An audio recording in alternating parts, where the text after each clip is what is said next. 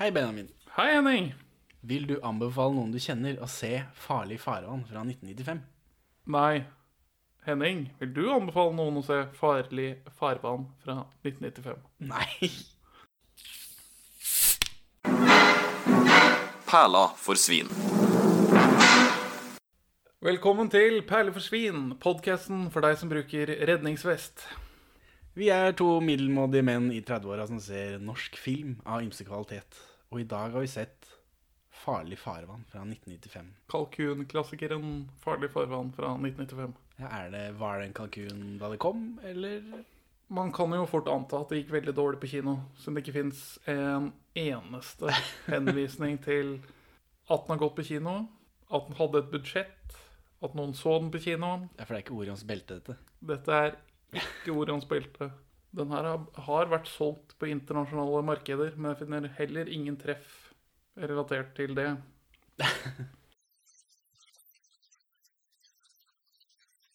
Det er ikke så mye farlig farvann i filmen, sånn egentlig. Nei, det er mye, det er mye farlig fyrtårn. Farlig bilkjøring. Farlig løpe litt i skogen. Det er mest farlig fyrtårn. Farlig å komme og besøke øh, din alkoholiserte venn på fyret som virkelig litt trist. Ja, det var veldig farlig, og så slutta filmen bare. Farlig, Men, eh, farlig å jobbe i bank. Det kan filmen hete. det er sant. Jeg søkte på IMDb, og så sorterte jeg på norske filmer fra alle norske filmer som sorterte under actionparaplyen, og så sorterte jeg etter alder. Og midt på 90-tallet så så jeg en forlokkende tittel med et uh, spennende rollegalleri. Ja, for det er skuespillerne som tiltrakk deg denne filmen, eller var det tittelen? Nei, det var vel bare tittelen. Også det uh, IMDb-bildet til filmen. Det, det må jeg nesten vise deg. Ja, det gjør seg veldig bra på podkasten. Ja. Dette er bra content. Men det er vel flere sånn amerikanske båtthrillere på denne tida? Er det ikke en med Billy Sane også? Og Nicole Kidman og sånt noe? Ja, Bare fortsett, du. Jeg eh, snurrer hjula. Men kan ikke du si hva som foregår på ok, ok. Skjønner du hvorfor dette var innbydende? Det er 'Fest livbeltene' er taglinen. Og så er det 'Farlig farvann'. Og så er det eh, Nils Ole Oftebro som kjører en pistol opp i haka på Petronella Barker. Eh, og, så er det en, så er det en fyr med sånn MacGyver-sveis og bart bak dem igjen. Og, disse, og de er i blå silhuett, og så svever de over det fyrtårnet, da. Som sånn disembodied eh, overkropper. Ok, for jeg, Bortsett fra han med, med MacGyver-håret, for han er bare et hode som helt tydelig ikke var i det bildet til å begynne med. ja, han henger ikke helt på greip inne der. Altså, var han kontraktfesta at han skulle være på plakaten? Jeg vet ikke, for han er vel den minst kjente av de som er med. Allikevel så har de klemt den inn på plakaten. Ja, nei, han er jo ganske kjent, da. For Han har vært i Hollywood én gang, Ja. i en film vi ikke har hørt om. ja. Men jeg hadde kun Jeg hadde tidligere bare sett den eh, engelske plakaten. Og det er derfor taglinen i dagens podkast er for deg som bruker redningsvest. For jeg trodde at når den engelske taglinen var eh, 'Fasten your life belts', så hadde jeg trodd de hadde oversatt det fra redningsvest, ikke til livbelte. Som, ja, nei, nå er ikke jeg en maritim fyr, da. Sånn, jeg vet ikke. Ikke. Jeg syns sitter der med kapteinhatt. Høres litt arkaisk ut. Den uh, Billy Zane og Nicole Kidman-filmen eh, som eh, er om bord på båt, det var fra 89, så der bomma jeg litt, da. Men det er Den heter Dead Calm, som også er det den uh, Det er et maritimt begrep for når det ikke blåser. men, uh, Terror om bord på norsk. Men Dead Calm er jo også tittelen på den X-Files-episoden med han nordmannen som ikke er norsk. Ja, de, de russerne. Ja, Den heter Død Kalm eller noe sånt. Er du sikker? Få vekk deg, André, du. Tror du? Og hvorfor tror du det etterlot deg? Jeg vet hva du prøver å gjøre, Olsen. Men denne filmen er Benjamin Um, også grunn Det som virkelig Virkelig meg Ga meg lyst til å se denne filmen her, er fordi at jeg fant ut at den hadde en spesiell plass i Nils Ove Oftebro sitt hjerte. For i 2018 så satte Cinemateket opp den her på rull og greier. Og altså, Cinemateket er ganske gode på å hente opp litt glemte klassikere. Og denne. Og denne.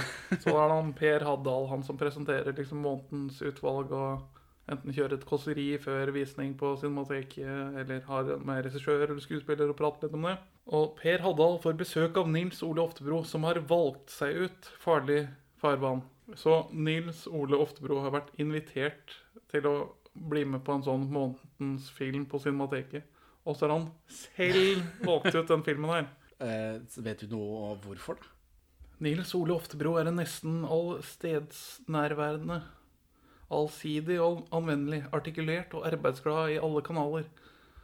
Midt i mangfoldet vil han hente frem farlig farvann som har havnet i glemmeboken. Noen få kaller den Norges verste kalkun, vil si en lite flyvedyktig film. Gjengs var firere på terningen. En nyvurdering kan være på sin plass. Så det ansvaret tar vi på oss, da. Nå har vi vurdert den. Og eh, enn så lenge så vet vi at ingen av oss vil anbefale. Da blir det spennende å se hvorfor. oh yes. Eh, jeg vet ikke når Anette Hoff og Nils Ole Oftebro ble sammen, men de har en sønn som er født i 96. Så det kan ha skjedd Det kan være dette. Er noen av disse to metodeskuespillere? I så fall så er det dårlig nytt til denne sønnen. Fordi Anette Hoff og Nils Ole Oftebro er sammen, og det vet jeg. Og det regner jeg med du vet også. Jeg vet det, men jeg hadde det ikke fremst i hjernebarken når vi så filmen. Nei, det er det eneste jeg tenker på når jeg ser Anette Hoff. Hadde, hun er sammen med Nils Ole Oftebro.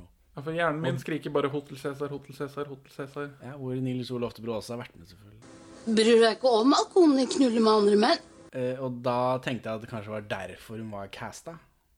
For litt sånn halvveis ute i filmen så kommer det en sånn twist om at nei, de er ikke sammen, de er søsken. Dun, dun, dun.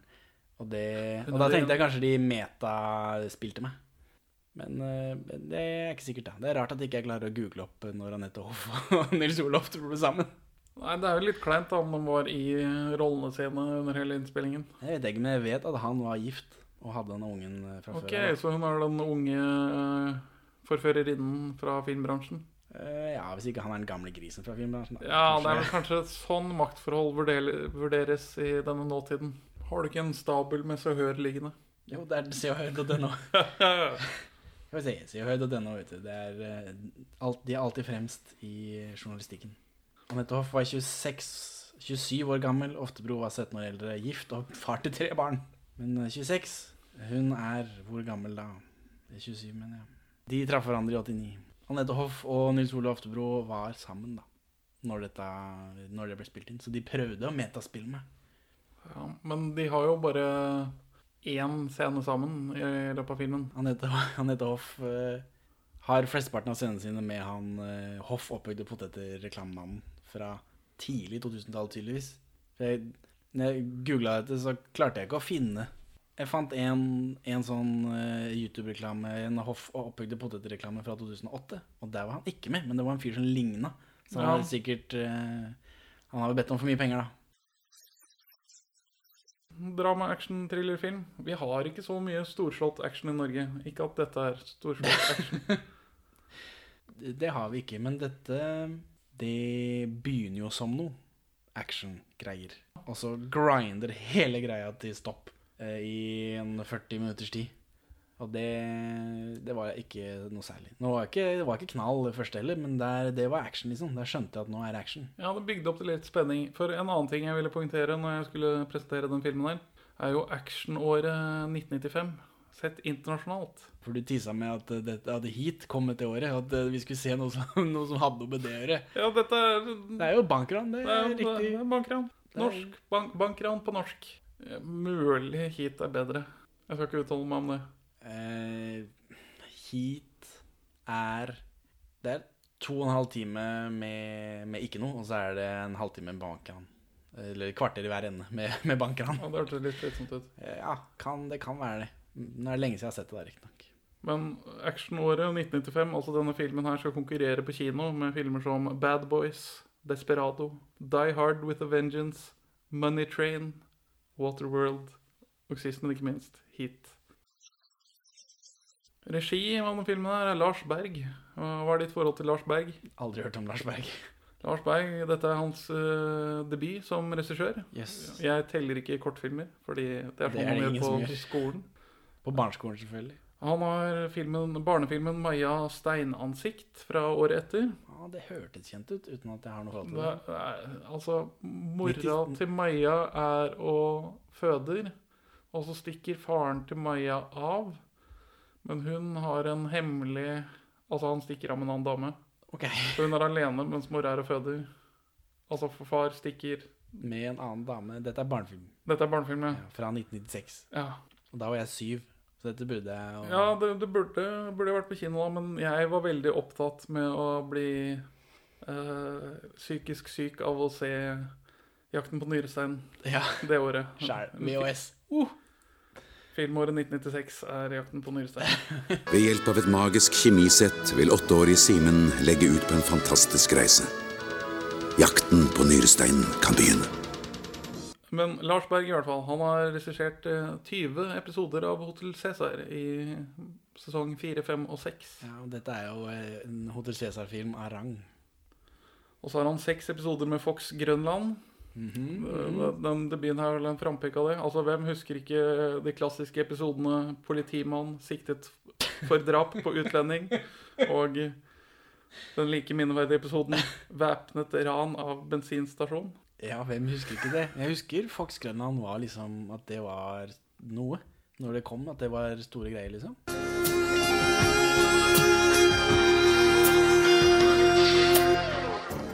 Kjenner du igjen eh, stilen på måten filmen her er skutt på? Nei. For dette er da, Vi har da Kjell Vassdal på kamera. Jeg legger ikke merke til sånt, jeg. Ikke? Nei, ikke med mindre det er eh, helt sånn åpenbare ting. Hvis, hvis vi får et, eh, et shot fra eh, et bagasjerom og ut, da vet jeg at aha, dette er, nå ser vi på Tarantino, ja. Ja, for den filmen her har én halvpen shot. Og, og han har vært professor i foto ved Den norske filmskolen siden 2009. Kjell Vassdal er mannen som har ansvar for å lære opp eh, nye generasjoner av norske filmfotografer. Og han har filmet denne filmen. Han har filmet uh, Mio min Mio. Der får du høre Christopher Lee og Christian Bale dubba til svensk. Det man ønsker seg alltid. Sigurd Drakedreper. Herman. Aldri, aldri mer 13. Farlig farvann. Jakten på nyresteinen. Oi, men det er jo en ordentlig Det er store greier og en syredrøm ut av en annen verden. Jakten på nyresteinen. Så han eh, filmer mye barnefilm og er professor. Han, er, han er, virker som han var sjef for bildedelen av filmutdanningen på Norges filmskole. Så da er det rett og rimelig at alle andre norske filmer ser ut som Farlig farvann? Er det det du prøver å fortelle meg? Ja. Eller fra og med 2010, da, som det er da han har utdannet sitt første kull. ja. Jeg antar å bli Ja, norsk vi- filmfotograf er en ettårig utdannelse. ja.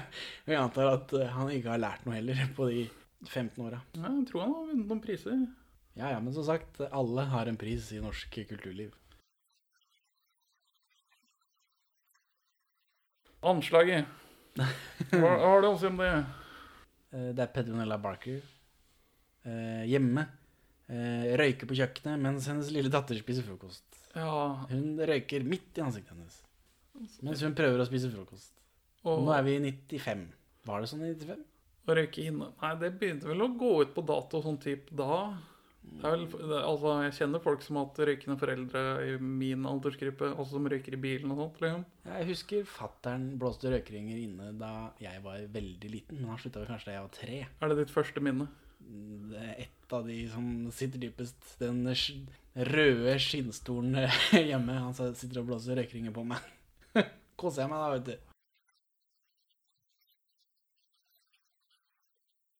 M- Petronella virker som en litt kald og rar mor. Ja, hun skal jo være en sånn ice queen sånn til å begynne med, tror jeg. Og så blir hun bare rarere videre, men hun skal jo fortsatt Hun er jo iskald. Hun er jo hun dama fra, fra corporate som sier opp alle i den koselige mom and pop-bankfilialen. Ja, hun er en filialslakter. Yes. Det er vel det han blir kalt av Nils Ove på et eller annet tidspunkt her. For hun møter deg opp i en veldig hyggelig eh, bankavdeling, og så sier hun opp alle sammen. Så, ja, På en sånn hyggelig, koselig corporate måte. Og så er de veldig, veldig triste, selvfølgelig, men eh, jeg har press fra styret. ja, Ja, men jeg har klart å snu tallene. Ja, hun legger på presset på mange andre. Etter 50 år står bare en minibank igjen. Det stemmer for så vidt. Ja, og filmen har et eh, godt frampek der. Men nå forsvinner minibankene òg, så Ja, fordi kontanter er liksom ikke brukende lenger. etter 50 år står ingenting igjen. Nei, sier minibanken. Hvordan er det minibanken som er trist? Men uh, innklippa i dette så har vi også eh, fangetransport med Nils Ole Oftebro med mørke solbriller. Mørke dame-Ray-bands, syns jeg det så ut som. Men jeg har ikke helt oversikt om hva Ray-band-stilen var på 90-tallet. Nei, ikke jeg heller, men det er pussig å bli fangetransportert med solbriller på. Og, og røff jakke. Yeah. Yeah. Men altså, de har ikke De har ikke skinna hans medpassasjer, Indiana Roy, heller.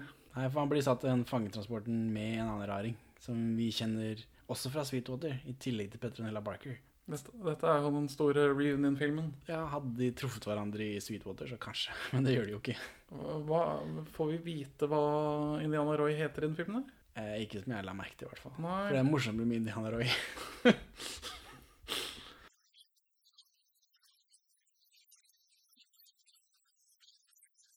eh, Petronella Barker er fortsatt ikke verdens beste skuespiller. Nei, hun er... På noen måte. Men jeg har ikke bedre enn Sweetwater, da, som er syv år før. Så det burde jo litt grann må hun få øve seg. ja, Hun har ikke hjelp av Lasse Glom til å gjøre en dårlig jobb lenger. Nei, nei, det er det. Og hun spiller med andre ting enn puppene i den filmen her, da.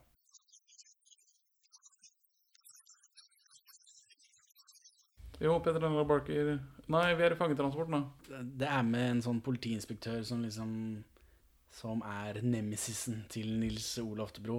Han ligner veldig på Eirik Jensen. Han har sånn eh, grånende hår, eh, lang hestehale, brun skinnjakke.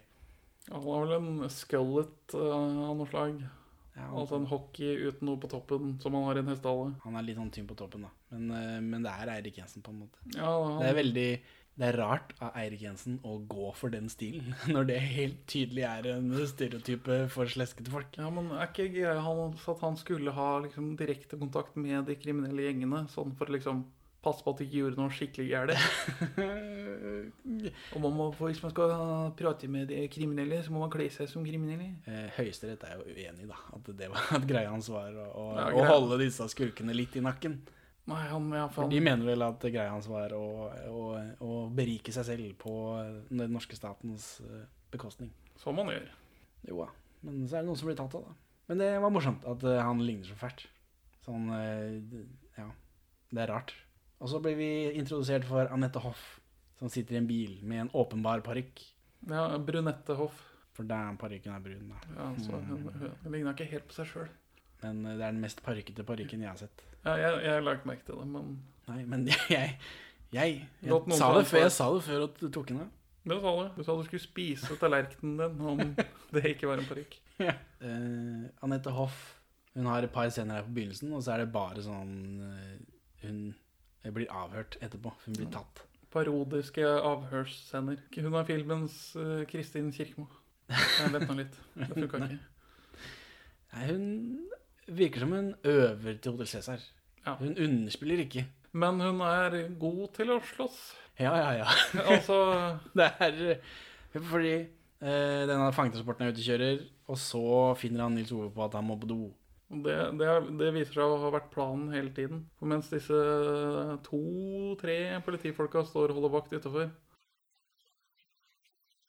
Anette står og venter ved siden av fergekøen til hun er sikker på at hun havner på samme ferge som fangetransporten. Og da kjører hun rett inn i køen. Og så kommer eh, fangetransporten, og så kjører de på ferja. Nils Ole Oftebro er sånn «Ah, 'Kan ikke drite i bilen. Jeg må, jeg må skikkelig på do'. Ja, ja det han eh, Indiana Royce som sier «Å, 'Må ikke drite i bilen', fordi han er sånn klovn, mens eh, Nils Ole er eh, ice cold type med solbriller på inne. Ja, for Indiana Roy skal spille en sånn 19-åring, men han føles mer sånn 36-ish ut. Jeg vet ikke, Det er en voksen fyr, men han oppfører seg som et barn. Og ja, så, ja, han er veldig dum hele tiden. Men da får i hvert fall til slutt uh, Nils Ove gått på do, og så stiller politifolka seg opp utafor. Og da starter jo planen. Uh, og da kommer Anne, Anette Hoff også bort. Uh, Inga. Inga kommer gående og skal uh, Unnskyld, unnskyld meg, jeg skal, skal bare på do. Og ja, nei, det går ikke. Du må, du må ta gå, du må ta gå. Albue! Karate. Eh, en eller annen spray i fjeset på den andre. Og så kommer Nils Ove ut og mæler til han eh, hestehalegutt i nesa. Den slåssinga her er De står tre meter fra hverandre og veiver, og så reagerer den andre som om den får juling. Ja, Det er ikke noe som ser ut som det treffer engang. Ja, Nils Ove har flere slag mot fjes hvor det er en sånn tydelig 15-20 cm imellom. Ja, det er eh, Og det er det filma feil vei. Vanligvis så filmer du bakhodet på den som blir slått, men ikke, ikke her. Nei. Nødvendigvis. Jeg så hvem som har stått for spesialeffektene i filmen her, men jeg har ikke sett hvem som har oppført med stuntkoordinering. Eh, Tore Torell. Det var dessverre ikke Tore Torell. Jeg skulle ønske.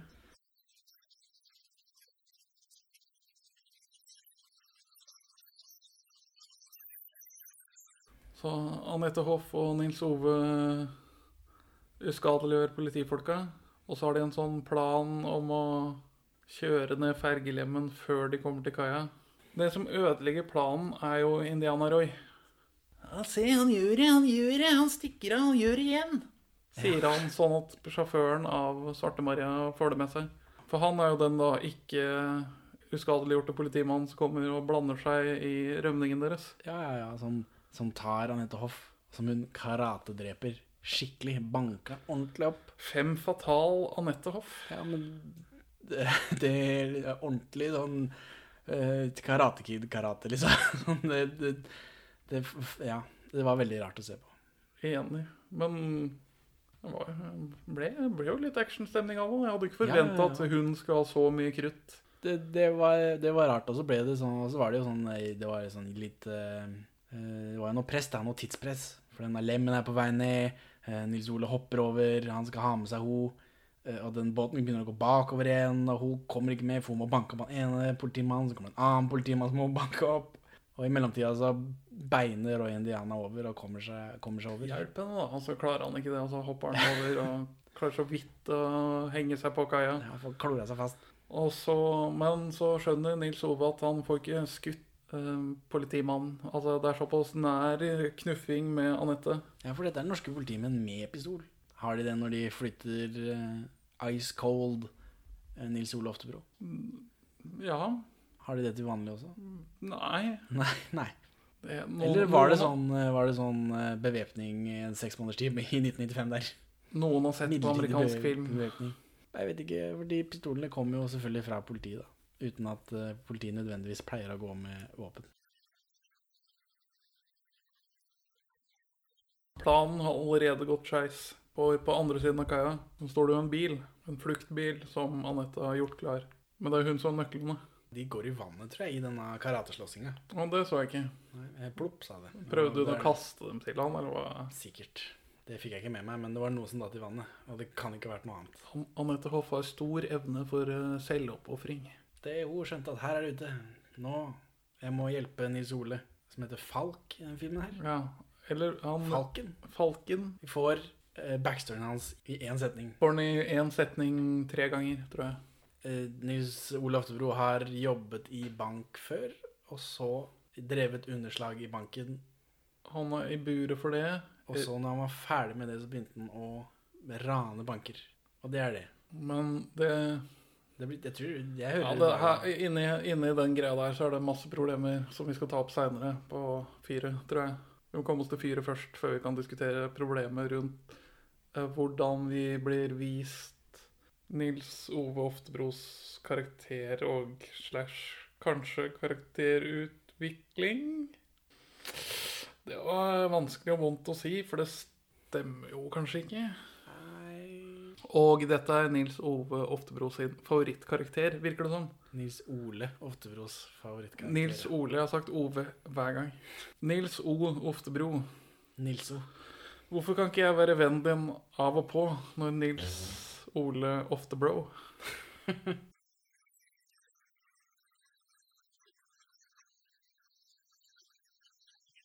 Men heldigvis for Nils Ove Anette har nøklene. Heldigvis for Nils Ole. Jesus. Nils Ole Fuck. Heldigvis for Nils Ole så er Indiana Roy eh, pff, bilkleptoman. Småkriminell. Han Det er, kan fall stjele biler. Det er veldig norsk småkriminell å stjele bil. Det er i hvert fall det han gjør, så da trenger vi ikke de nøklene. Og så raser de av gårde. Og så tilbringer vi litt tid med Petronella i den banken. Og de holder på med ting, og så plutselig bang! Inn døra kommer Nils Ole eh, og, og Indiana Roy. Ja, han, han prøver å kvitte seg med Indiana Roy. Eh, Indiana Roy kan alltids gå av. Det er liksom Nils Ole er en medium hyggelig fyr. Han setter av folk hvis de føler for det, hvis ikke han har bruk for dem. Han Ja. skyter ikke alle. Ja, det, det virker som om han ikke har noe Han er ikke en sånn psykopat som får glede av å drepe. Han prøver å gjøre det Ja. uten offer. Ja, Det virker ikke som han uh, har lyst til å drepe heller. Selv om det hadde vært praktisk. For jeg tror ikke det er noen som hadde savna Indiana Roy. liksom. Nei, og vi får jo senere vite at Indiana Roy hadde tre dager igjen på soningstida si. For han skulle overføres for å liksom klargjøres for å bli satt fri. ja, altså Han gjør bare ting verre. Mens Nils Ole Oftebro har fått lovens lengste straff og har i hvert fall 60 dager igjen på soningstida si. Oi, oi, oi.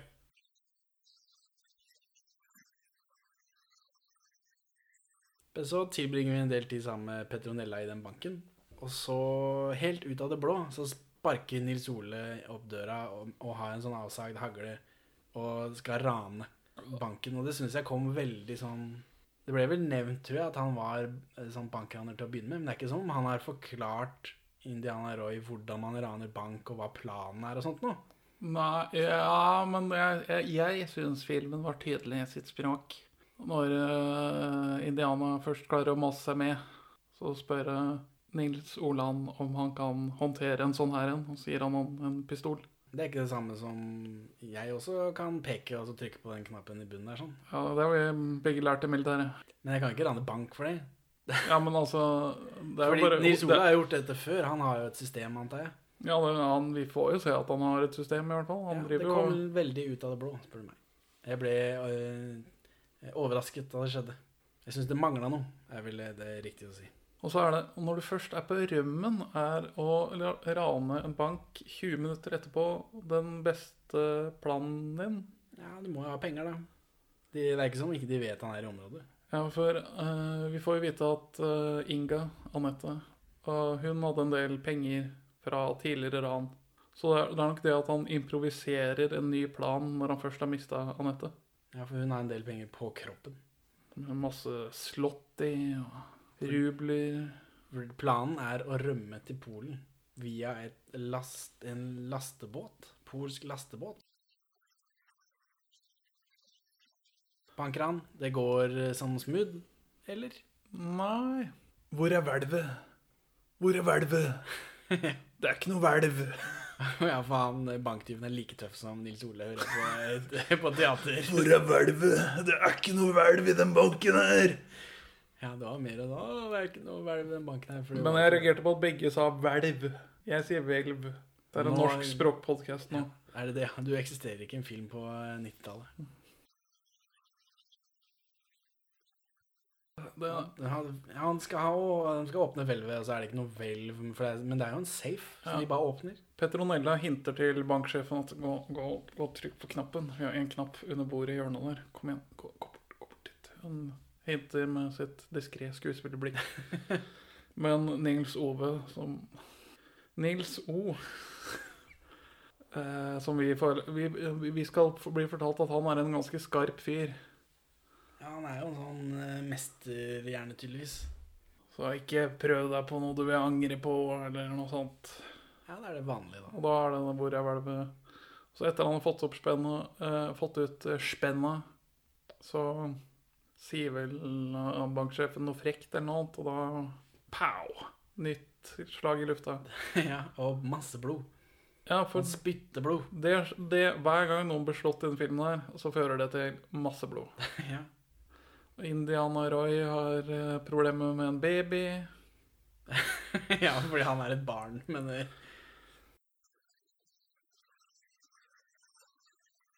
Men hva er viktig i den bankscena, da, istedenfor alle de dumme detaljene? At som vi han kommer av gårde. At uh, en politibil på utrykning kjører forbi. Jeg Fikk, han bankfyren trykka på knappen? Ikke, det så ikke sånn ut. Nei, var det jeg mente.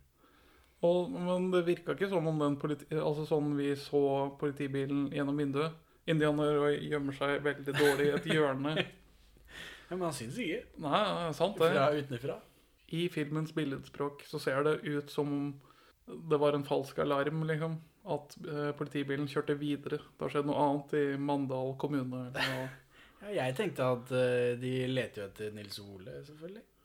For Men- han har jo nettopp banka masse politifolk. Og, og da kan man spørre seg om hvor kronisk bank, øh, bankinnbruddstyv han er. For det virka som bilen kjørte forbi. For det er jo, det en fordel med å, å rane en bank rett etter du har rømt. At alle er opptatt. Med å lete etter denne rømlingen. Ja, ja. Ingen vokter banken da. Nils Ole er ute, vi må fort stenge alle Norges banker. Ja, Den notoriske banktyven. Steng alle Norges banker. Sett fyr på alle pengene. Men, Men det gjør i hvert fall Nils Ole stressa, så han kidnapper uh, Petronella. Hvorfor? For eh, det er kjekt å ha. Han sier vel i, i etterkant der at eh, det så bra ut. Ja, Hva var det som så bra ut? Det fysisk, psykiske. For, for når han først sa det, så tenkte jeg at og han mente at uh, det er bedre å ha en pen dame som gissel.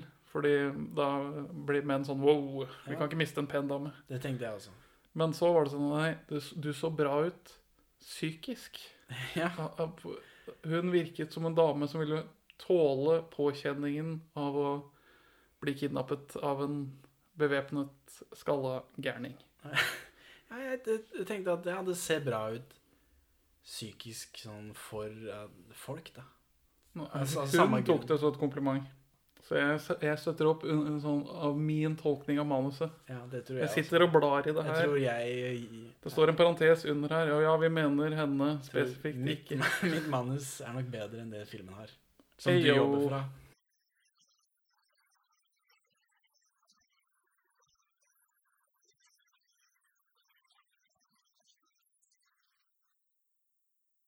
Det kommer til en sånn politisperring. Og da får Nils Ove bruk for gisselet sitt. Og hun er veldig, veldig redd. Ja, det, men det var en eh, relativt god scene, om jeg får være så frekk. Hva likte du ved scenen? Hvor, Var det det naturlige skuespillet, den naturlige hulkinga til eh, Petronella? Jeg syns hun spilte greit i den scenen, men det er jo Nils Ole sin ubehagelige psykopat Eller som han bare er av og på, selvsagt. Men må, måten Nils brutalt håndterer Petronella scenen, for han skyver den gunneren opp i liksom det myke man har under haka, og så røsker han den i håret og sånn trekker den bakover. Ja, det er det bildet som var på det posteren du viste meg. Uten, uten Indiana Roy i, i baksetet også, for han kjører jo. Han kjører bilen, og han synger en sang.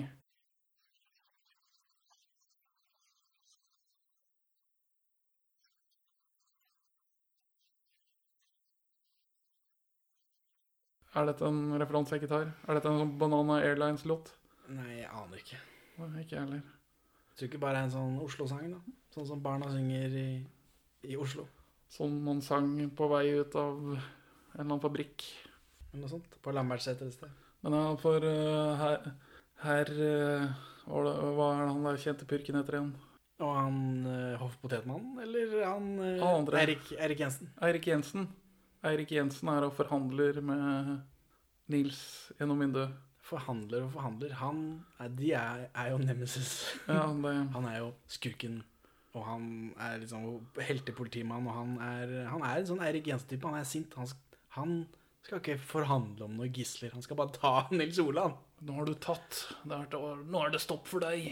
eller noe sånt. Ja, og Nils Ole liksom Nei, da blåser jeg huet av den kjerringa her. Og Erik Jensen Nei, det blåser jeg i så lenge jeg tar det etterpå. Men så til slutt så får de kjøre, da.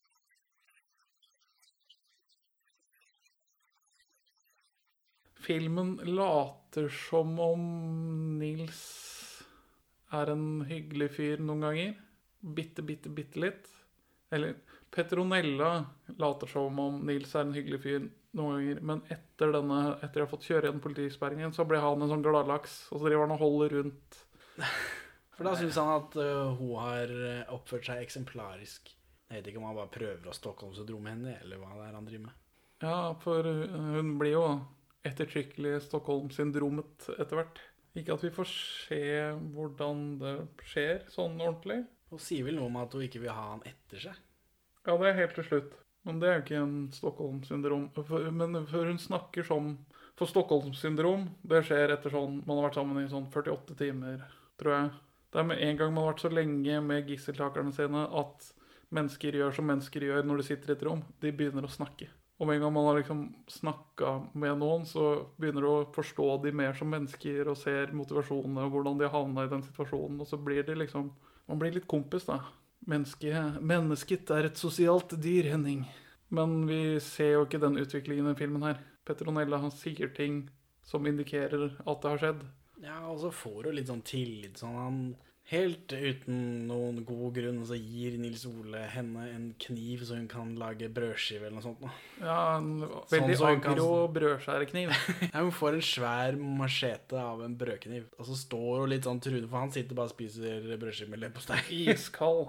Ja, ja, ja, for han vet at, eh, at hun kommer ikke til å gjøre noe. Tør ikke å kakke den i skallen hans. Nei, Hun står liksom bak henne en stund med kniven sånn Å, jeg kan bare kjøre den opp i bakhuet på deg. Men så gjør hun ikke det, da. Hun lager Ja. brødskive istedenfor. Men hun overspiller sin frustrasjon om at hun ikke klarte å gjøre noe. Ja, ja. Sånn at det ikke skal være hemmelig at hun hadde tenkt, tenkte på å drepe han. Det overspiller Hun river av seg jakka i frustrasjon. blir, blir det Petronella-pupp igjen? Blir det? Nei, det blir BH. Lasse Glom er død. Ingen fare. Ingen Lasse fare. Glom kan ikke skade deg lenger nå.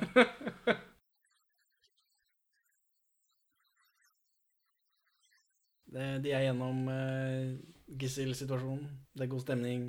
De senker denne eh, bilen uten at vi får se hvordan. Vi får bare se den er på vei til å synke. Langt ute i en innsjø har de tatt, råkjørt, tatt i fart, hoppa med bilen ut i innsjøen og så kasta seg selv ut. Ja. eh, mens de var på land, for de er tørre. Ja, det, Har de dytta den ut i langt, langt uti der? Indiana Roy virker som en fyr som kunne finne på noe sånt, men han er jo misfornøyd med at de dumper den fine bilen. Ja, ja, for han syns den bilen var flott. droppe en så stilig bil, hei. Er det ikke, kan vi ikke bare beholde sånne eh, rømningsbiler? Nei, altså Etterlyste rømningsbiler, kan vi ikke bare beholde den? da? Ja, bare ta skiltene, så ser de ikke at det er deg. Men da, da drar de til et båthus hvor, eh, hvor Nisola har stæsja en båt med cash. Uh, eh, Nils Ole blir tissa på i dette båthuset av en full mann. Et, det skal liksom være spennende. Ja, for han står liksom bak veggen. Han har klart å skyte om det ble oppdaget. Ja, for det kommer noen folk eh, på en, eh, en snekke som har smugla noe sprit. Ja, og det, og det er, er, blir han kjempestresset av, og dekker til båten igjen, gjemmer seg bak. Ja, Ja, for de kommer jo, så han er redd for at noen skal se den båten da, og lurer på hva dette er for noe. Ja, men passerende snekker i Norge, er det så skummelt, da? For, Eller man eh, blir jo du er på rømmen fra potiliet. Politiet. Ja, fra politi. ja, Men det skal liksom være spennende, og så er forløsningen at han blir tissa på. Jeg vet ikke, jeg syns ikke det var så morsomt heller. Det havner jo på lista over humorting i filmen. Sammen med Indiana Roy når de først skal forlate banken. Hva gjør han da? da? Da sier han sånn Og så blir dere liggende i ett minutt etter at vi har gått. Nei, nei, nei litt lenger. Sju til åtte minutter. Ja, men alt han gjør, er Og så liksom han gjør? sånn barnemorsomt. Hva er det han gjør så? Han går inn i glassdøra to ganger. Ja, det stemmer. Ja, men alt han gjør, er sånn barnemorsomt. Og så løper han liksom rundt, og han er sånn fomlete. Han er sånn fomlesen type. Holder pistolen rart og Ja, ja. Sli, slitsom fyr. Jeg tror, Selv om han melder seg frivillig, så tror jeg ikke jeg ville hatt den med. Hvis jeg var eh, beinhard eh, Nils Ole. Nei, filmen ville jo vært bedre uten nå, tror jeg. Hvis du bare ser for deg alle sekvensene etter Ja, men hvis han ikke, Hvis hadde, hvis han ikke hadde vært her, så hadde Nils Ole bare flytta til Polen. jeg vet ikke. Ja, er det, er det Ja, for han ødelegger jo at han kommer seg unna med Anette. Anette. Ja, han ødelegger jo det meste. Han er i veien for alt, han. For han er idioten og... som liksom setter filmens premiss om at planen går dårlig i spillene. Fordi For de kjører av gårde i denne båten til slutt, etter at han Nils Ole har blitt tissa på. Ja, For da, det er her vi får vår første sånn bakgrunnsinfo om Falken. For uh, Indiana Roy reagerer veldig på at Petronella ikke vet hvem han er. Hæ, vet du ikke hvem han er? Falken har stått masse om han i avisa. Han driver med skap.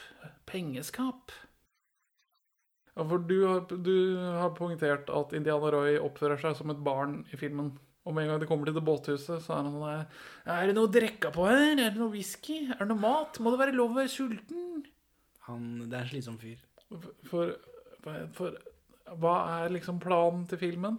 Er det sånn buddy cop eller buddy criminal-film med han hardbarka smarte kriminelle og med gamle med erfaring mot han unge og dumme? For det er jo Petronella Barker som har hovedrollen, viser det seg. Hun står iallfall øverst på eh, rulleteksten. Er hun mer kjent enn Nils på tidspunktet? Så ikke vi Nils Ole i Spøkelsesbussen? Jo. 1980. Ja, vi har vel sett alle skuespillerne i den filmen i tidligere podkast-episoder. Men Petronella er noen og tjue og kliss naken i 1988. Nils Ole har nok jobba mer Ja. og lenger.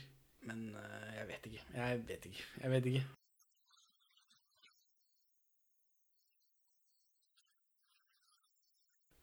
Ja, nei, det er et til humorpoeng i den forrige scenen.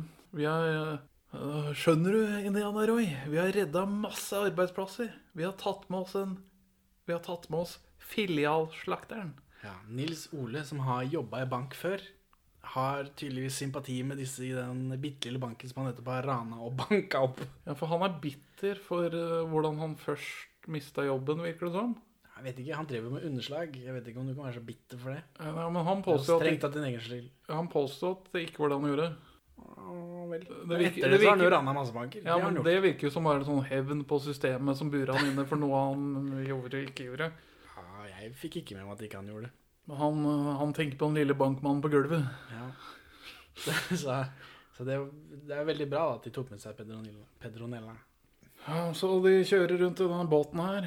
Det virker som om Nils Ole har en eller annen plan. Ja, de leter etter den eh, polske båten. Men han er aldri fremme med en sekstant eller noe kart. Eller Ja, Han driver ikke og holder styr på hvor sola er i horisonten. Nei, Eller nå er det jo, nå er det jo dag, nå er det dag for natt. Ja, men han har kikkert. Han har kikkert. Men altså, havet er et svært sted.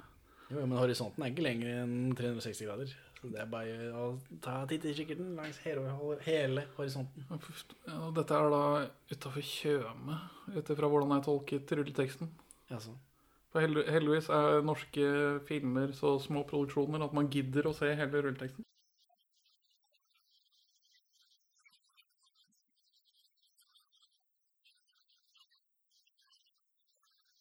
Alt går galt for Nils. Da finner han et fyr, og der er det et hus. Da tenker han at kanskje vi kan få i oss noe mat og få litt ly og kartlegge situasjonen fra det høye tårnet. Det virker som i hvert fall som er et poeng. Å få litt utsyn. Utkikkspost. Noen seilinger ut på havet hvis man er høyt opp, virker det som om Nils tenker.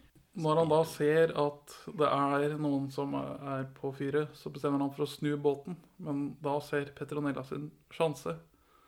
Til å pælme seg uti og svømme i land. Og halvveis drukne. Og, og hun kaster seg uti og krysser fingrene tydeligvis for at han fyren på det fyret ser det. En, at han er en ressurssterk, eh, handlekraftig mann. En, skal, en handlingens mann. og så skal Indiana Roy skyte henne i vannet. Ikke skyt henne, jeg trenger henne levende, sier Nils. Ja, Det stemmer ikke. Nei, hun har jo Eller han kan jo brukes til en sånn Nå har jeg pistolen mot hodet hennes, så dere må la meg gå. Ja, men kan ikke gjøre det med Indiana Roy også? Når han likevel er der og, Ja. er, og er ubrukelig. Ja, men du kan jo samarbeide med et gissel. Ja, jeg trenger en levende, så da snur han båten igjen.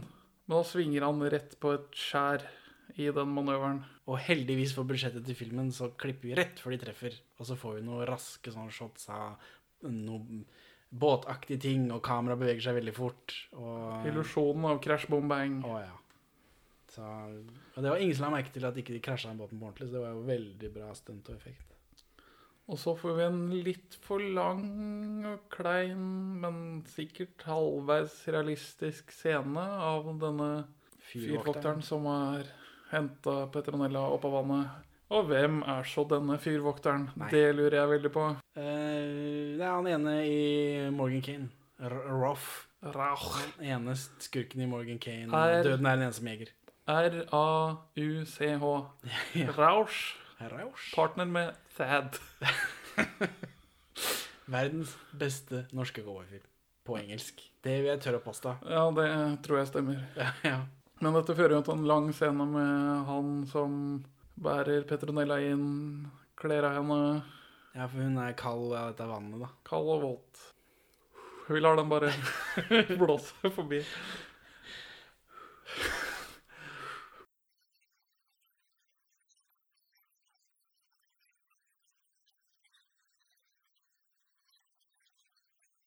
Men eh, igjen får vi et tegn på at det ikke er Lasse Glom som har regissert filmen. For han klarer ikke helt av henne, og faktisk tar seg tid til å dekke henne til igjen.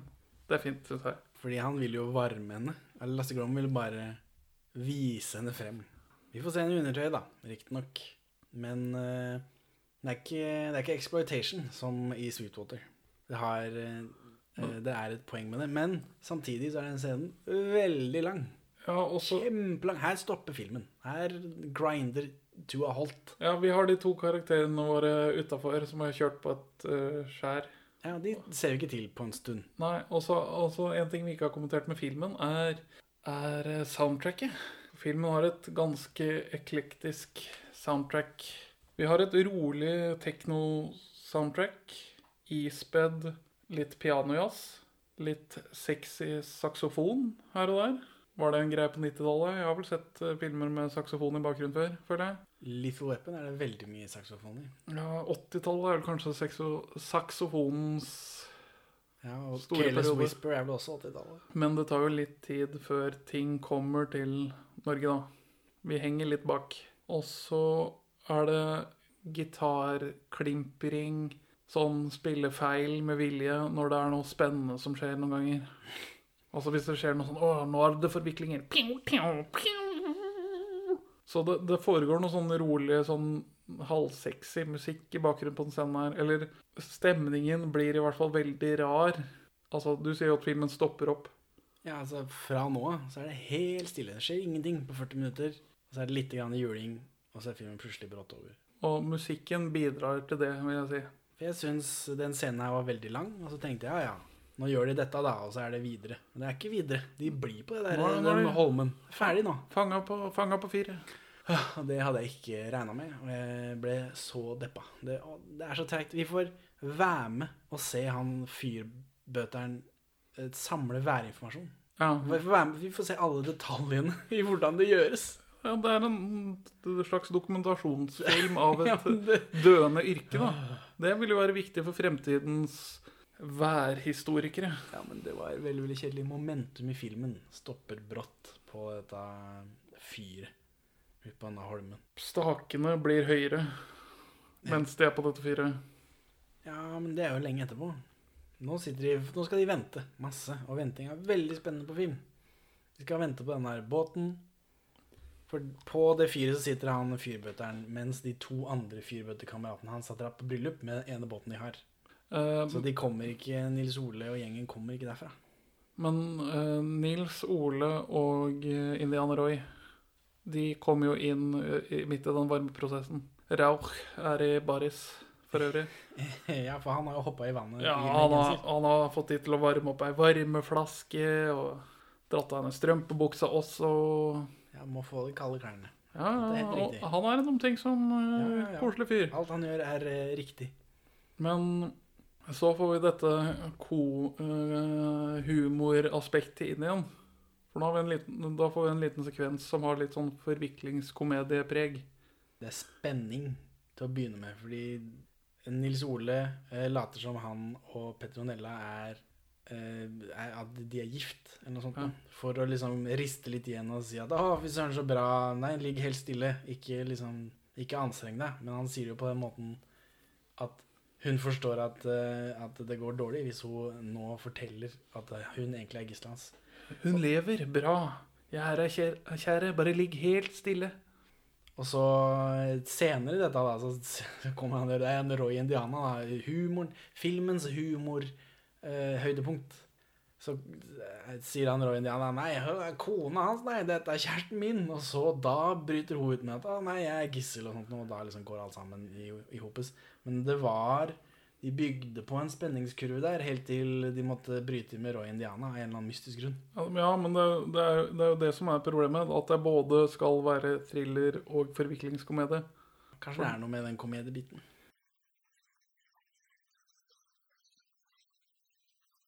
Det, det, er sitat Per Haddal sin tekst i filmsalongen 'Fremvisningen av eh, farlige farvann'. Skal vi kalle den en sammensatt genrelek, signert regissør La Lars Berg? En action-komedietriller som ikke er redd for effektene. Berg kjenner seg ellers for barne- og ungdomsfilmer som Maja Ste Stenansikt og Glasskår. Jeg vil jo ikke si den leker med sjangerne. Den har én hovedsjanger, og så er det ispedd noe rot ved siden av. Eller Roy Indiana. Ja, først og fremst. Først og fremst han. Og, grunn, og han er såpass rørete at de blir gående på det dumme fyret lenger enn nødvendig, føler jeg. Ja, det er billigere å skyte på én location enn mange, da. Men det er veldig kjedelig å se på, da. Det Altså, å være med på den meteorologirunden, da holdt jeg på å hoppe ut av vinduet her. for liksom, for det, fram til det fyret så skjer det ting. Da er vi liksom Vi er på vei noe sted. Og så er det full stopp i momentum. Bopp, ferdig. Eh, Anette Hoff spiller aldri inn igjen. Det, det er noe sånn de bryter inn eh, De har kryssklipper do, eh, blir forhørt og bare lyver og er litt sånn Ja, fem fatal eh, snuskete. Men, men det har ikke noe å si. Hun kommer ikke tilbake. Hun treffer ikke Nils Ole igjen. Så liksom Man hadde forventet i en ordentlig film. nei, men vi får liksom Vi får jo se at hun prøver å hjelpe han så godt hun kan der hun sitter i baret, da. Ja, ja, Hun er ikke bitter for at det gikk dårlig for henne. Nei, det, det er riktig, men jeg hadde forventa at de For det blir jo avslørt at de er søsken inne på dette fyret her et sted. Og da skulle en jo tro at de ble gjenforent på et tidspunkt. Om ikke I en ordentlig film så hadde de politifolka tatt med seg henne, som da hun hennes gissel plutselig. Så de kunne hatt en sånn confrontation der og liksom og, Brukt og en, nå, ja. en eh, forløsning, på en måte. For her, i, i det forholdet, Nils Ole og Anette Hoff imellom, så lå det en twist. Og så blir det ikke til noe. Nei, Bruker ikke til noe. dårlig. Hadde de vært mann og kone, så hadde resultatet vært det samme i den filmen her. Det var bare fordi jeg vet at de er sammen på ordentlig, så la de inn den twisten for å lure meg personlig på et metanivå. Godt, godt poeng. Takk. For da, du, du snakka jo litt om meteorologi, dette meteorologisidesporet. For det er jo en ting da som skal bidra til å bygge spenning. At denne fyrvokteren han forventes å kontakte Meteorologisk institutt hver sjette time for å gi sine værrapporter. Uh, og den, den rapporten skulle egentlig allerede vært levert inn, men han ligger langt bak skjemaet fordi han har vært i vannet med Petronella. Så telefonen begynner å ringe denne, når det kommer frem at det, når det, kommer frem at eh, det ikke er mann og kone eller kjæreste og kjæreste. Og, så da er Nils O- Ole sånn Hvem er det som ringer? Ja, det er Meteorologisk institutt. Ja, får du ta den? Altså, men jeg har ikke tatt noen nye målinger. Ja, les opp de fra i går. Ja, For det syns ikke når man skal føre inn data i en værtabell. Bare sånn «Ah, Akkurat det samme været som for seks timer siden. Det er sånt som skjer. Og så spør han eh, hvorfor han ikke ringte tidligere. Og så jeg beklager, jeg er litt dårlig i magen. Det er noe som går. Det er noe som går på et fyr. Har de spist dårlige kråkeboller? Eh, Det virker som det bor tre stykker der, da, sånn til daglig.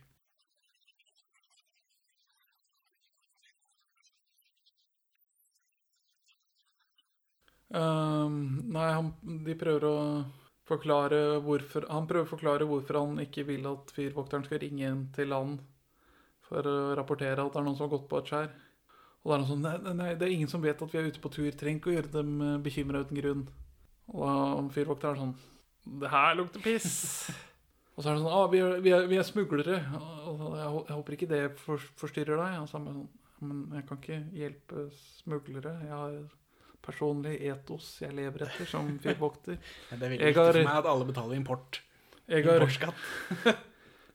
jeg har avlagt fyrvokternes hellige ed om å ikke hjelpe kriminelle. Oh, nei, nei, ikke, ikke, vi smugler ikke narkotika. Vi smugler eh, brennevin og sigaretter til privat bruk. Ha-ha-ha, forviklingskomedie.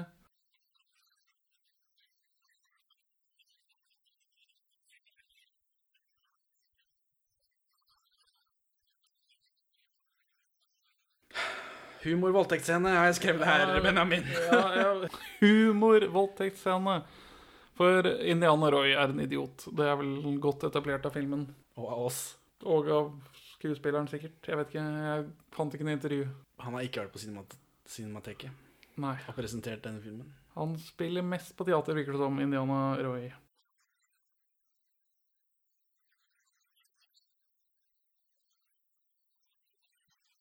Nils er ute og speider etter polsk lastebåt. Og da er idioten Indiana Roy igjen for å vokte gislene.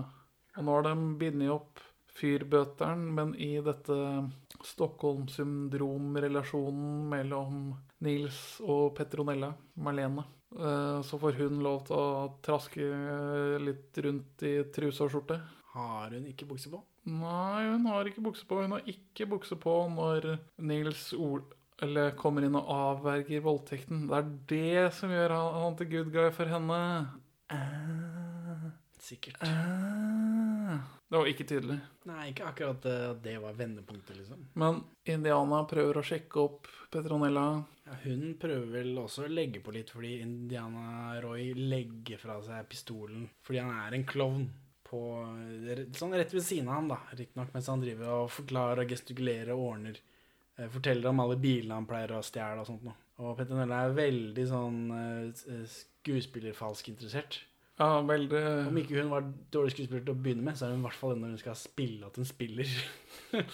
Det blir litt for meta for Petronella, det her. Så, og da skal hun liksom snike seg bort til den her pistolen. Da, da, da går det galt. Da blir det noe slåssing, og så klipper vi bort fra det hele. Ja. Vi går opp til Nils Ole igjen. Ja, det, det, vi får vel bare se at øh, han røsker, liksom holder rundt Petronella slenger henne opp på et eller annet, og så er det klippet ut. Ja, for de begynner å, kjempe om denne pistolen, da. Og så er det å klippe opp til Nils Ole som går ned igjen.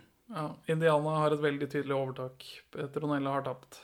Ja, når vi kommer inn i scenen igjen, ja. For da er hun plutselig bukseløs. Ja, hun, men vi hører, vi hører han uh, hun har ikke noe tørre bukse på tidspunktet. Hvor er det hun har fått bukse fra? Hæ? Jeg vet ikke, hun har genser på. Ja, genser er et lettere Jeg føler at jeg hadde lagt merke til om hun har bukse på. Jeg mener jeg la merke til at hun ikke hadde når de var ferdig med å slåss. Det kan godt hende.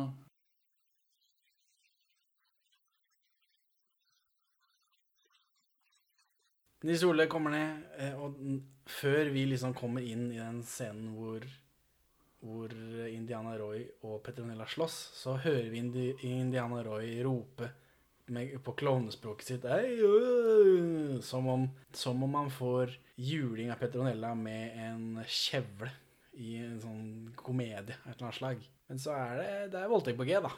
Det, er Ja. liksom, det, var, det var litt sånn brudd i, Ja, ikke, ikke i, sånn i stemninga. spesielt godt deklarert voldtekt, men ja, nei. Nei, men hun var truseløs, og skjorta var åpen, og det var dårlig stemning. Og han lå over henne og kjempet. Er det norsk film om man ikke krenker kvinner? Nei, nei det kan man spørre seg.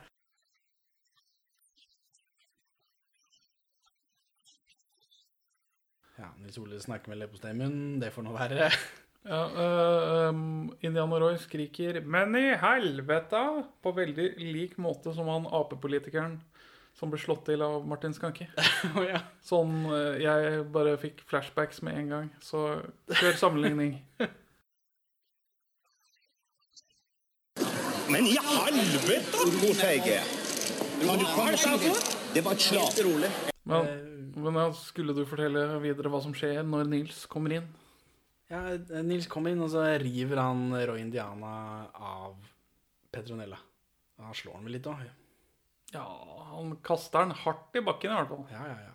De er sinte. Løfter den opp over huet og knekker ryggen hans. Og så er det slutt på scenen. Sånn helt ut av det blå. Og så er det noe sånn Eh, og så prøver de å anrope den polske lastebåten, for de har endelig klart å observere den. Men de svarer ikke. Men politiet er allerede på sporet av den polske lastebåten. Så de syns det er veldig mistenkelig at fyret har prøvd å anrope det. For de har ikke klart å komme seg frem til den via avledningsmanøvrene til Anette. Og så plutselig kommer liksom politiet Ja, fordi eh, hun Anette sier at de skal flykte til Polen i en lastebil. Hun bryter liksom sammen da og innrømmer 'i en lastebil'. Men disse politifolka, han Eirik Jensen, er såpass lur at han skjønner at 'aha, det var ikke en lastebil, det var en lastebåt', sier de etterpå. Ja, for hun sier at hun har sagt et eller annet om fly, lastebil og et eller annet tredje, et eller annet tredje fremkomstmiddel. ja, Hun har nevnt alle, frem, hun har nevnt alle fremkomstmidler utenom lastebåt, så de har bare prøvd å sette opp det med en sånn barnebok av fremkomstmidler. Bare sånn Vannskuter, luftballong. helikopter, eh, hangglider, T-bane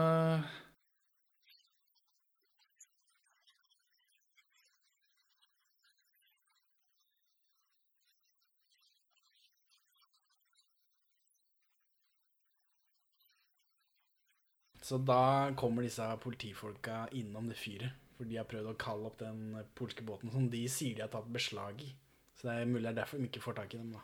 Da kommer Erik Jensen inn på dette fyrtårnet, og, og da truer Nils Ole han eh, fyrbøtteren til å, å holde kjeft da, og oppføre seg helt normalt. Og så går han Indiana Roy og Petronella og gjemmer seg i et skap. Hele gjengen er i skapet. Yes, koselig, intimt og koselig. Jeg dreper deg, jeg dreper hun, og jeg dreper de to politifolka.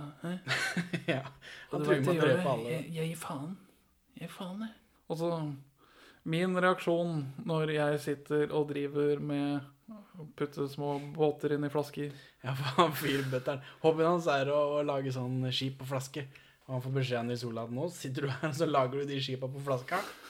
Og så sier du og gjør ingenting. Så han, han Når politiet banker på døra, så sier ikke han 'kom inn', eller Han lukker ikke opp døren, sånn at han sitter der med flaskene sine helt, helt stille, og så kommer de bare inn. Uten å liksom For sånn er politiet her.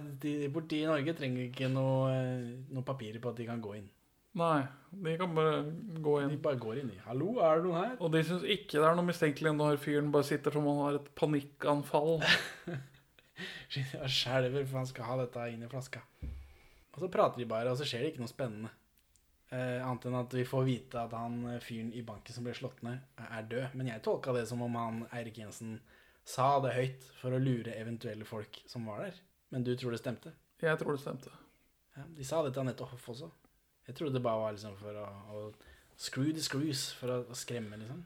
Ja, litt tidligere så er det jo en sekvens hvor eh, For de spør han fyrbøtteren hva de har hørt på radio.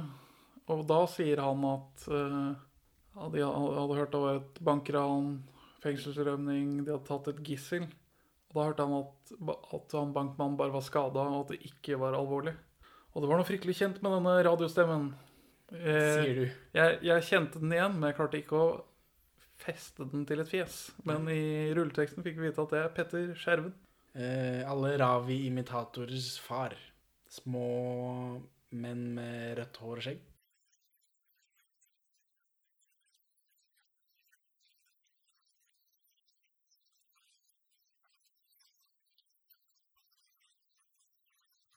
Og så kommer eh, Nils Ole ut av skapet for å liksom si at du gjorde en god jobb eller noe annet. Men så ser han at politimennene har jo ikke dratt. Det er jo bare fem sekunder siden de gikk ut døra. Og så ser han at han snur og går tilbake, og så løper han inn i skapet igjen. For han eh, hoff-politimannen, hoff-potet-politimann, han er plutselig veldig interessert i sånn skip og flaske. Så han, han vil gjerne ha en sånn, da. Kjøpe seg en sånn. Men han fyrbøtteren pleier bare å gi det bort. Men, eh, men han, skulle, han fikk beskjed om å si ifra hvis han hadde til overs. Og det syns jeg var veldig rart. Klein, klein fyr, han politimannen. Og så er det noen flere sekvenser med Indiana Roy som er idiot. Øh, som driver og klager over at han ikke vil være med på det her. Gjør hva faen du vil! Jeg er ikke faren din! Dra til helvete! Er det ikke allerede der vi er, da?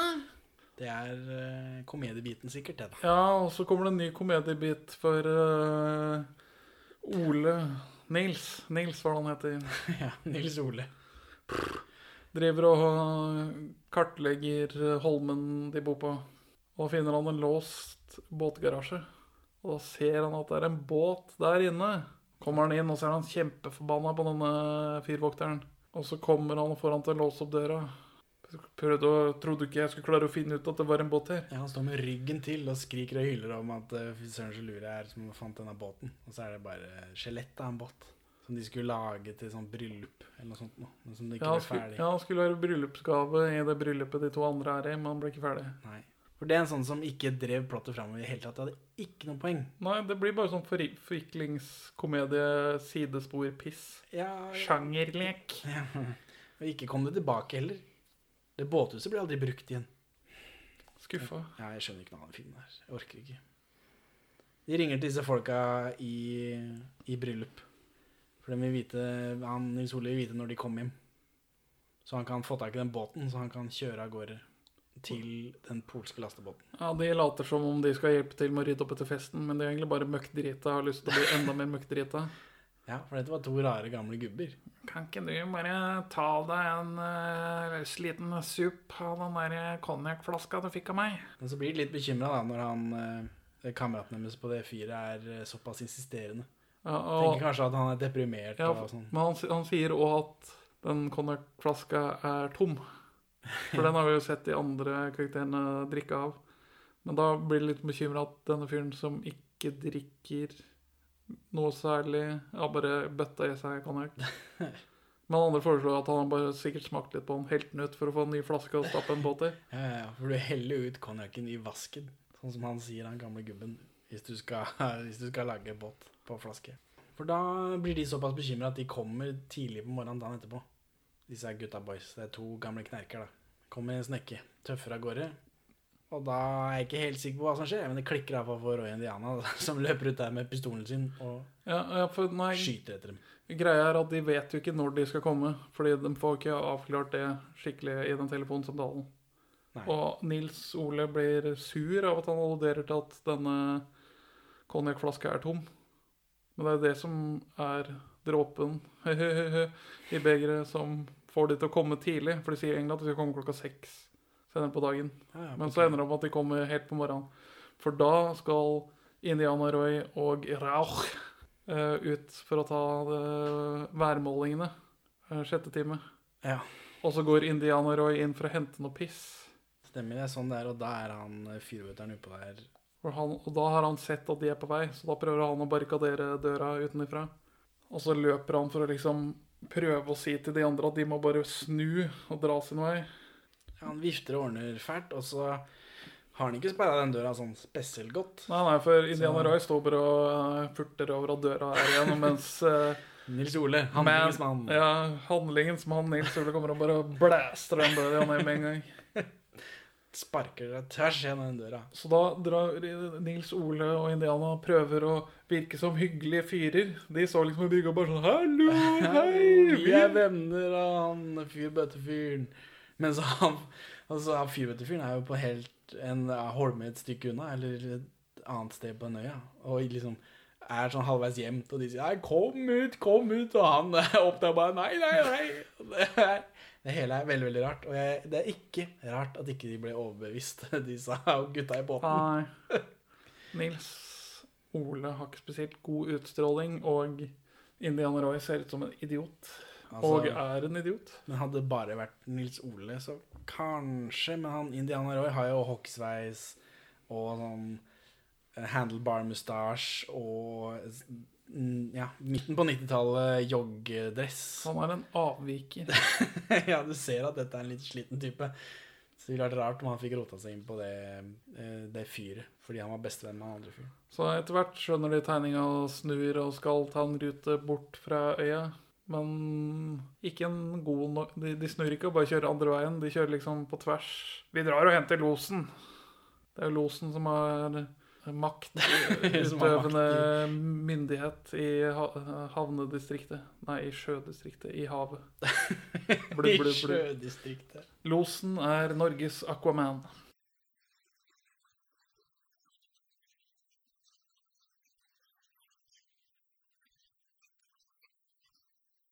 Indiana Roy løper som en idiot langs denne øya de er på, Holmen.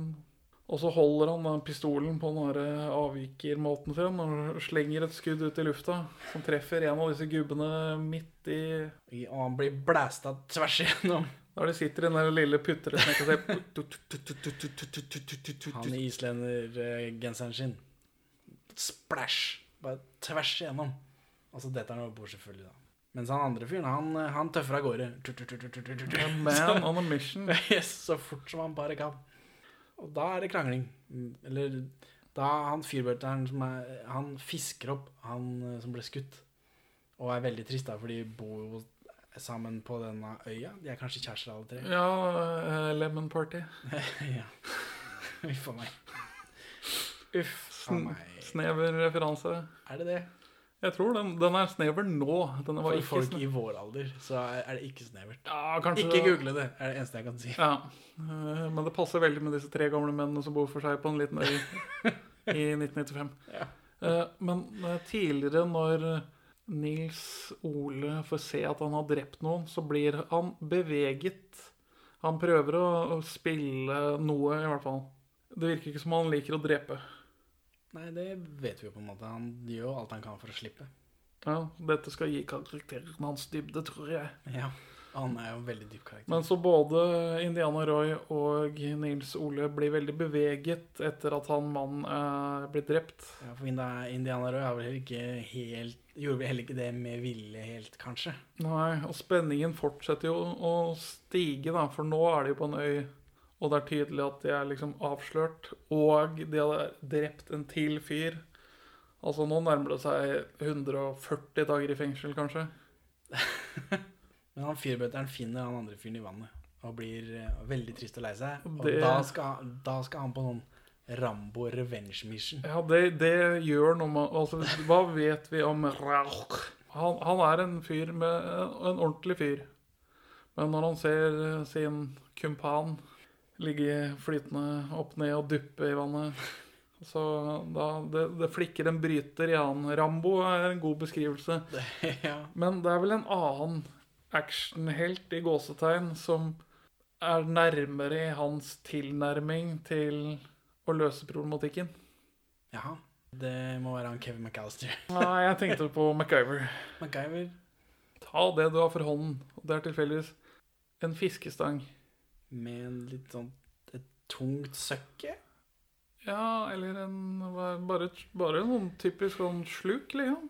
Det Sånn- virka som det var et søkke, for han, han Han tar denne fiskestanga, og så er det litt sånn jaging med han og Roy Indiana. Han, han løper det, den, det, det berget som er liksom lengst unna fyret. Og så gjemmer han seg når han kommer dit.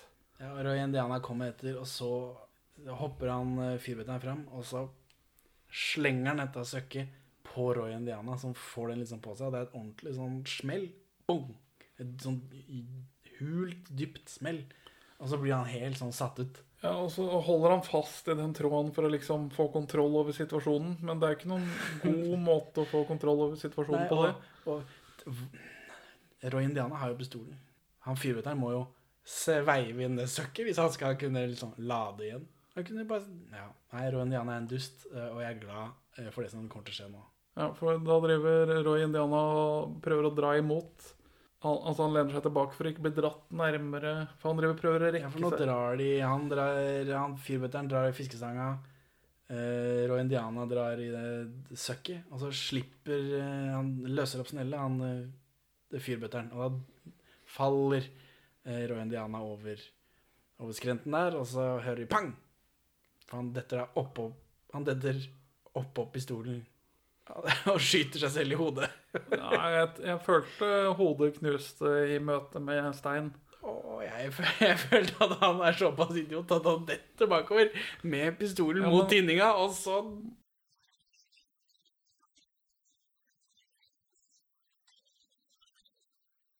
Men uh, Rauch er jo Han er ikke sint på Nils for situasjonen han har ført dem opp i.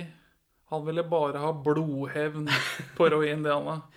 For med en gang han er ferdig med det, han har fått drept han som drepte kameraten hans, så blir han bare sånn Han går sånn inn i en slags sjokktilstand.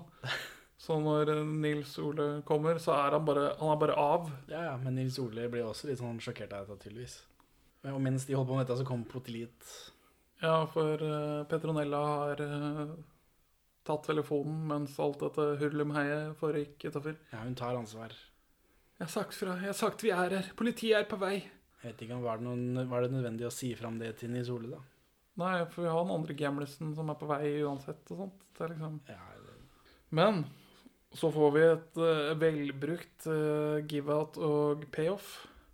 For hva Indiana Rip og Nils Ole gjør etter at båten har gått på skjæret, vet vi ikke. Men vi får en sånn liten sekvens hvor eh, Nils er under brygga hvor han har gjemt pengene. Så kommer politiet i en sånn politispeedboat. Og så kommer det masse politifolk med MP5 og Holmsen, Hoff, Potet, politimann. Eirik Jensen og han, Nei, Eirik Jensen ser vi. Jensen er i båten. Ja, han er i båten, men vi får ikke se han rushe inn på øya. For nå får vi se at han Nils Ole han er en lur fyr. Han har lært av selveste kaptein Sabeltann. Han og Petronella gjemmer seg under denne brygga, mens firvokteren ligger bindet opp inne. Og han har fått juling av Nils Ole, så han blør for fjeset. Men når alle, når alle politifolk har marsjert inn, så kommer den store planen. Vi skal stjele en politibåt. Og så begynner de å løsne fortøyningene. Petter Nonella samarbeider. Hva er hennes motivasjon? Ja, det er veldig vanskelig. Det er veldig mye fram og tilbake. Det er jo hun som ringer politiet på dem til å begynne med. Ja, men Og så har hun en sånn greie hvor hun snakker med fyrbøteren om at 'nei, jeg forstår han'. Altså bare sånn teit sånn Ja, fordi hun har barn og sånn. Jeg vet ikke. Ja, han har en søster. Alle er familie, hurra. Ja. Eh, så hun er med videre, selv om hun foreslo en sånn plan hvor de skulle kapre en båt og sette, sånn at hun kunne bli satt av på en holme. Et eller annet som at det var en god plan, syns han, eller noe annet. Men hun er likevel med på å stjele båt. Men hva, hvem er det som er i båten? Jo, det er Erik Jensen. Dun, dun, dun. Han har Jensen, han venter på Nils Ole. Da setter Nils Ole pistolen i bakhuet hans, tar tånhjørnene dine, Den på høyre hånd, Ja, klatrer du opp og fester deg til rekkverket. er veldig spennende. Åssen skal dette gå? Pow, pew, pew, pow. Han Karate chop fra Eirik Hesten her.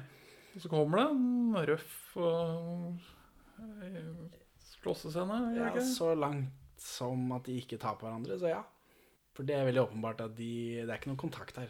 Mm, Det er blod. Ja, ja, ja. Masse Og det ser veldig vondt ut når Nils Ole faller ned, eller blir dratt ned av han. For da, Ja, da faller han ned i båten og lander på en sånn eh, plastboks av noe slag. Sånn Ja. midt på ryggen. Det, det så vondt ut på ekte. Men selve slåssinga er jo ikke Ikke det mest overbevisende, kanskje. Og så får Petronella tak i gunneren. Oh yeah. Heel turn fra Petronella, plutselig. Det er en uh, wrestling-term, om jeg ikke tar feil. Ja, det er riktig. Nå blir hun skurk. Ja, og, og vi skjønte det lenge før eh, filmen bekrefta det. Men vi, vi, vi begynte, begynte vel å spørre om hvorfor, hvorfor er Petronella skurk nå? Hæ? Hvorfor er Petronella skurk nå? For det, hun har jo uttrykt det motsatte. Det, ja, eh, jeg tror ikke hun vet det selv, ja. Nei, hun er traumatisert. Og så pistolpisker hun han politimannen, så han besvimer. Uvisst. Husker ikke. Jeg har fortrengt det. Var det noe dialog etter det? Det er ikke noe sånn uh, at ikke han skulle følge etter henne eller noe sånt. Da. Ja. Hun skulle ikke være forelska eller noe annet. Hva? Jeg vet ikke. For han Nils Ole uh, tolker filmen som vi har sett den. At uh, han har liksom mener Han tror da at hun gjør som hun gjør fordi hun er så forelska i han og vil forandre han og fikse han. Mens Petronella sier nei, det er fordi jeg vil ikke at du skal følge etter meg. Hun vil ikke skape beef med denne ressurssterke gærningen. Fordi hun vil ikke gå og være redd, for hun vet vel like godt som oss at det kanskje ikke Uansett hvor gærent han gjør ting, så vil han ikke sitte hele livet i fengsel. Petronella sitter på brygga og ser på denne båten som forsvinner i horisonten. Ja, med, Politifolkene- med Nils Oli. Med Nils Ole Nei, båt, det er spøkelsesbåten. Ja, vet aldri. Nils Ole sitter fortsatt under brygga. Båten kjører av gårde helt alene. Mm.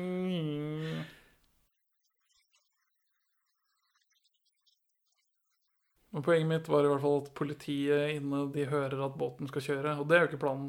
Så da kommer de rushende tilbake. Altså, det skjer ikke noe. Filmen er over, liksom. Nei, Ja, og så kommer det en sånn klein sang. En slags kjærlighetssang som er på tvers av dialogen i den siste sekvensen. Det er en sånn eh, 'Dette har skjedd på filmen'-sang. Ja, Og så var det ikke det som har skjedd på filmen. Det var veldig merkelig. Det var det. Men det er en veldig eh, brå slutt. Det er ikke noe eh, det, ja, Vi får ikke noe bekreftelse på at han egentlig har kommet seg unna. Hvor er det han kjører med denne båten? Drar han til det, det polske skipet? For det har jo de tatt beslag i, sier de. Han har en rask båt, da. Og det er ikke noe wrap-up med Anette Hoff, som sagt. Petronella sitter bare og glaner ut i ingent. Vi får liksom ikke vite hva, hva gjør hun videre. Eh, Hun har jo en, en datter som hun har levert til sin eksmann, som har en ny dame som ikke hun liker. Det blir nevnt én gang og dukker aldri opp igjen. Jo, det er jo det at Ja, den der når hun prøver å ringe til barnet sitt, Ja, ja, men, og, og hun men det er ikke noe avslutning. Det er bare en videreføring av konflikten. Den slutta helt ja. Hvorfor vil ikke du anbefale denne filmen til noen, Benjamin? Eh, fordi den er dårlig. For, ja, altså fordi den eh, Den er mest thriller, men ikke helt. Og så har de ikke noen skikkelig plan. Og så får vi ikke vite nok om karakterene. Det mangler masse på Petronella sin utvikling. Det mangler masse på Ole sin utvikling. Nei, altså, musikken er rar uten å være bra. Nei, hva, hva, hva, skulle man Ja, altså eh, Fremføringen til Nils Ole er interessant i ny og ne. I, mest i ned, tror jeg. Ja, i Det er ganske Det er, det er norsk skuespill, ja. Mest av det. Men så etter hvert Jeg vet ikke, han spiller mye mot Petronella Barker, så han uh, skinner litt der, da. Men det er liksom Det er fordi han spiller mot henne, syns jeg. Mm. Han spiller mot Petronella Barker, så Ja, da blir han mye bedre. Og, og Indiana Roy, som er helt eh, på bærtur.